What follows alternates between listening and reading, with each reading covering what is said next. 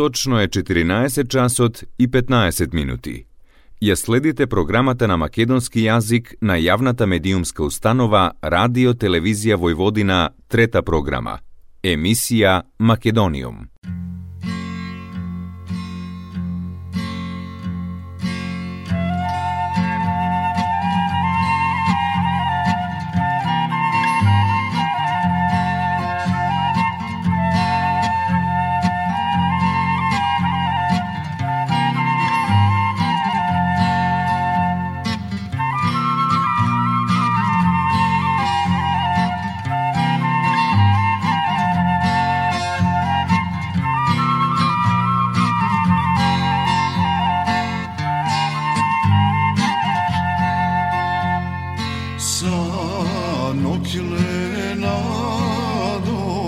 Sanok nespi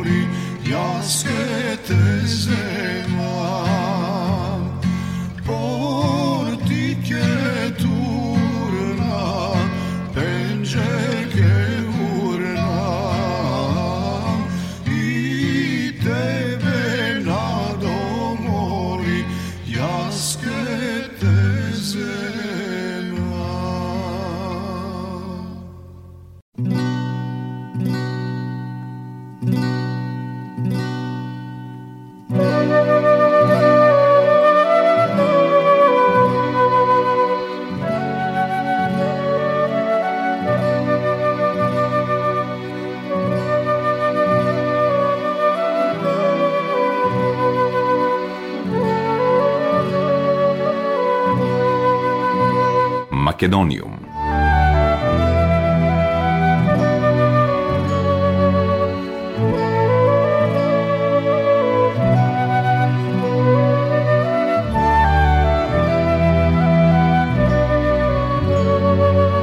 Добар ден и добре дојдовте во најновото издание на емисијата Македониум. Почитувани слушатели, Македониум го следите секоја среда со почеток во 14 часот и 15 минути на третата програма на радиото при Радио Телевизија Војводина. Голем поздрав од вашиот уредник и водител Јулијана Милутиновиќ. Македониум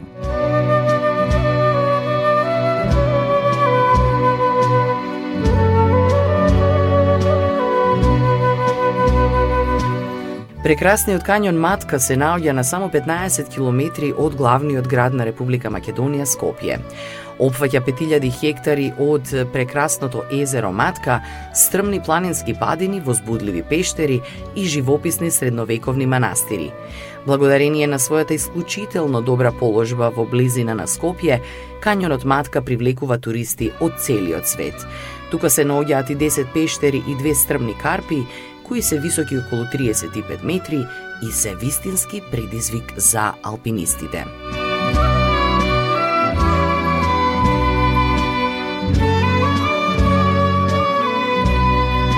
Македониум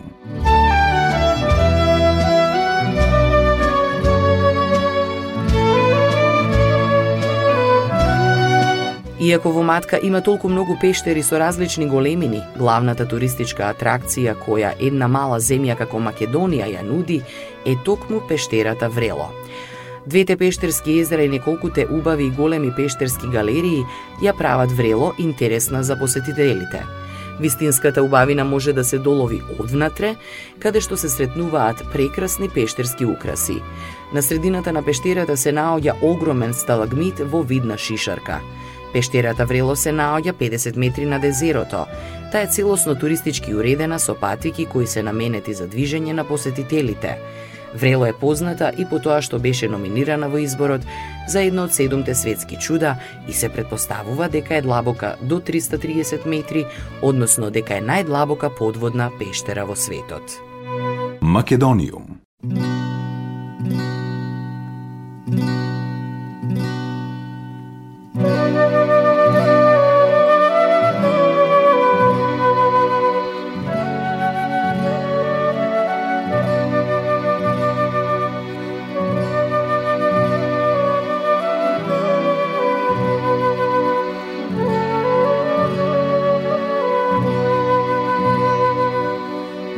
Матка е седиште на бројни и разновидни билки и животни, меѓу кои и некои се единствени во регионот на Балканот.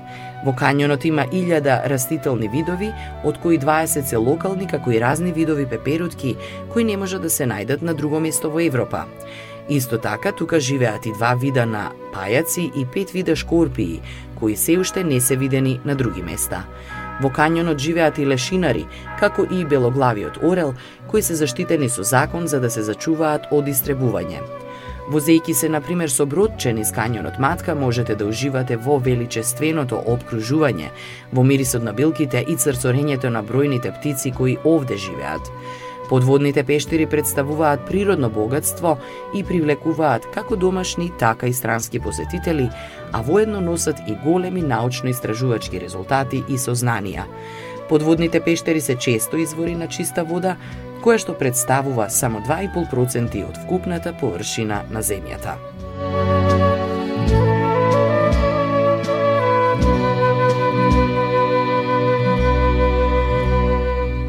Македониум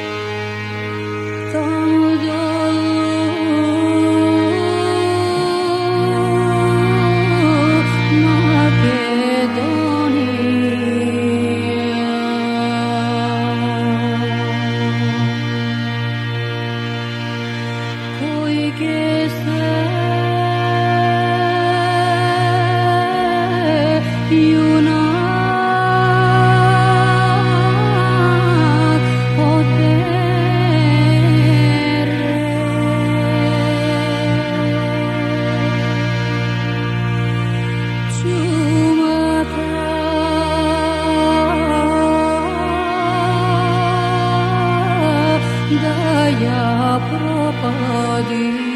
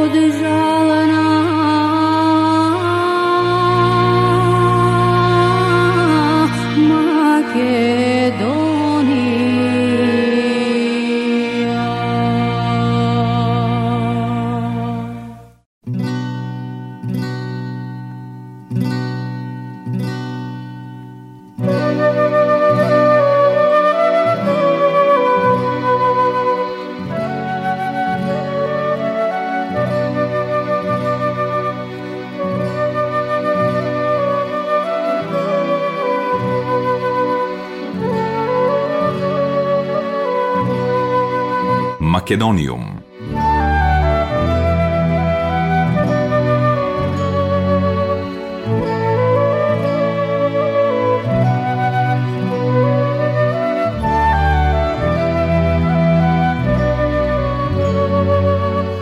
Најзападниот град во Република Македонија, Дебар, е познат и препознатлив по лековитите минерални води на двете бањи, Бањиште и Косоврасти, кои се наоѓаат во близина на овој град.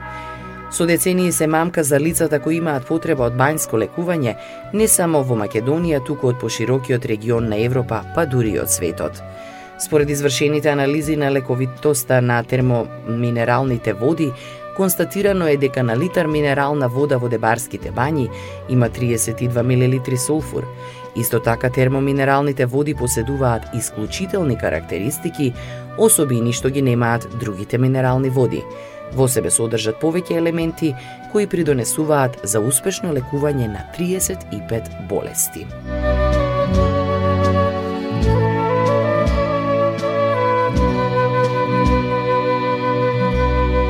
Македониум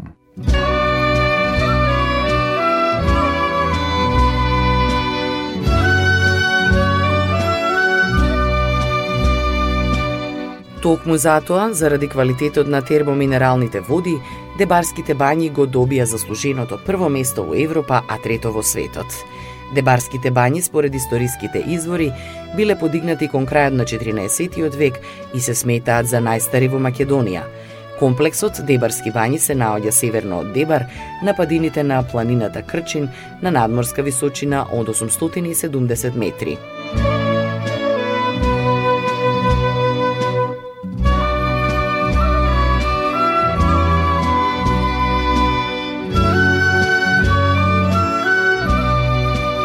Македониум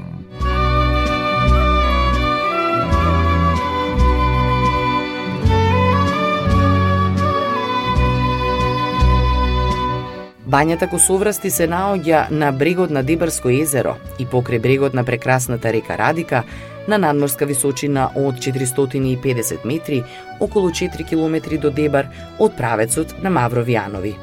Бањата Косоврасти има најбогата сулфурна вода во Европа и достигнува температура од плюс 40 целзиусови степени, а термоминералната вода во бањиште главно е богата со карбонат сулфур и достигнува температура до плюс 38 Целзиусови степени.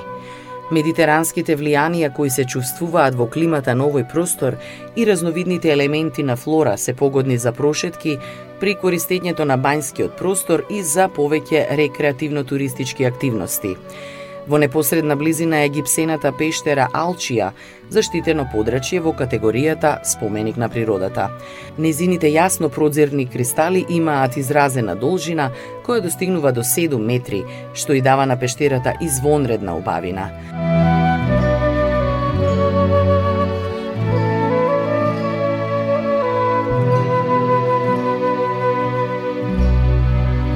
Македониум.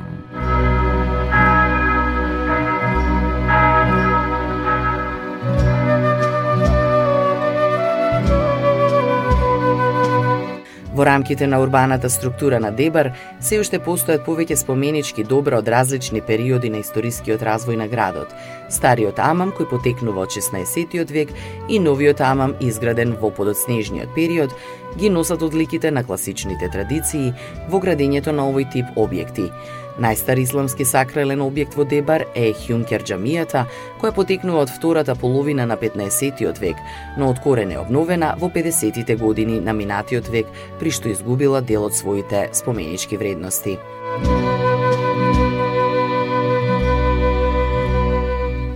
Македониум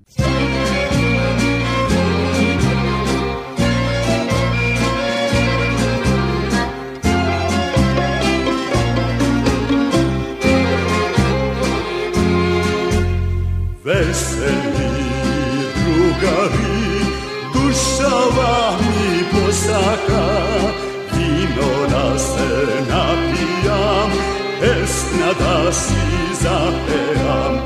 Vino to i pesna ta, lekna duša ta, koj pesna peje, srećno žive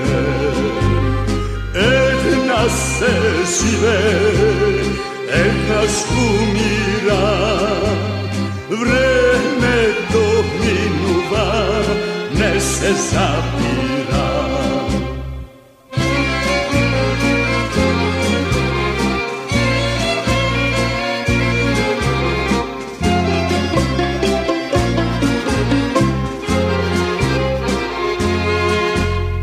Ne žalam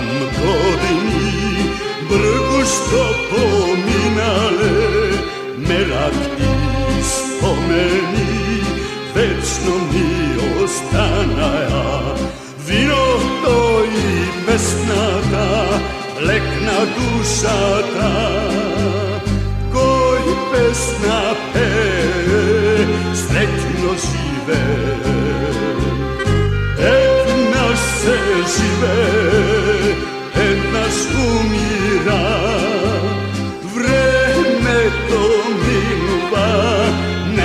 Zabira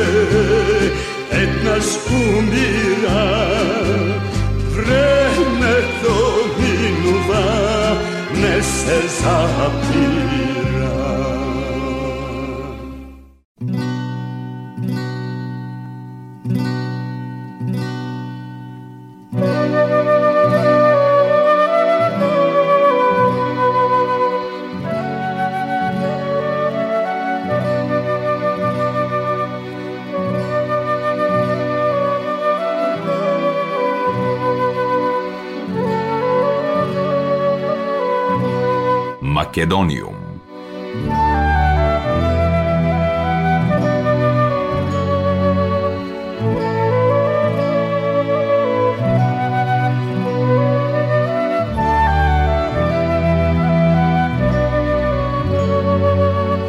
Ако за Македонија велиме дека е рај даден од природата и лулка на културата, тогаш без сомнеж, едно од многуте места кои ги оправдуваат овие незини епитети е и градот Струга. Овој прекрасен град е распослан на Струшкото поле и е заштитен со грамадната убавица планината Јабланица. Среде градот минува волшебната река Црн Дрим, кој токму до ова место го носат брановите на Охридското езеро, кои го заплескуваат карпестото Струшко крајбережје. Струга е град на пейсажи и град на контрасти, град кој представува палета од најразлични природни богатства.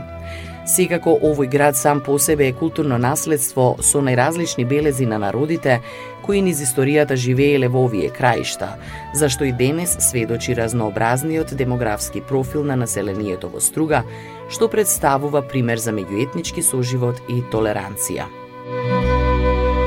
Македониум.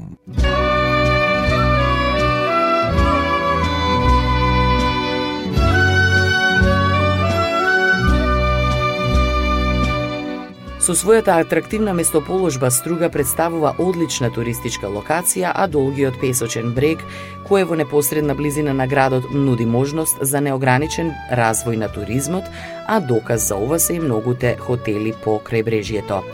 Главната туристичка атракција на градот е реката Црндрим, која како змија се пробива низ езерото и се излива од него токму на портите на градот. На оваа река има голем број мостови со амбиент и елеганција како и во најпопуларните шеталишта во големите европски градови. Според легендата, во средниот век во Струшкиот крај, по долината на Дрим имало над 1000 мостови. Во околината на Струга има голем број цркви и манастири, поголем број пештерски, кои вреди да се посетат и да се почувствува одблизу допирот и спојот на природната чистина со мистичноста и светоста на она што го создале и оставиле предците. Еден од поубавите е манастирот Света Богородица во село Калишта, кој е во непосредна близина на градот – Струга со јабланица од задгрб остава можност за сите алпинисти и ентузијасти кои би се впуштиле во марш да ја добијат прекрасната панорама на Охридското езеро и градовите Охрид и Струга како на дланка. Во градот Струга централна манифестација се Струшките вечери на поезијата, кои се одржуваат секоја година, а постојат во чест на браќата Миладиновци, кои живееле и се попотекло од овој град. Струга е домаќин на летниот меѓународен турнир во ракомет – Со овие знаменитости, како и голем број други, како и со гостолюбивоста и љубезноста на населението, Струга представува авантура која не смее да се пропушти во Македонија. Македониум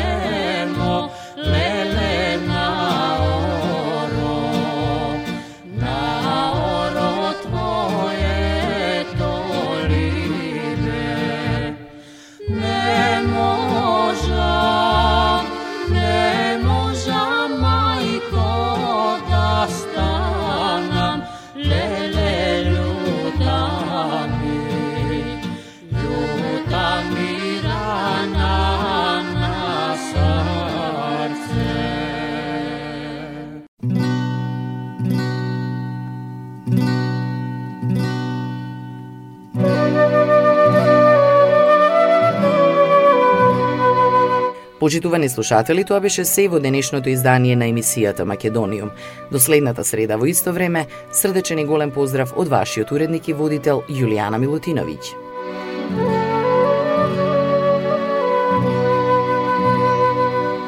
Ја следевте програмата на македонски јазик, емисија Македониум. Главен и одговорен уредник Воин Поповиќ.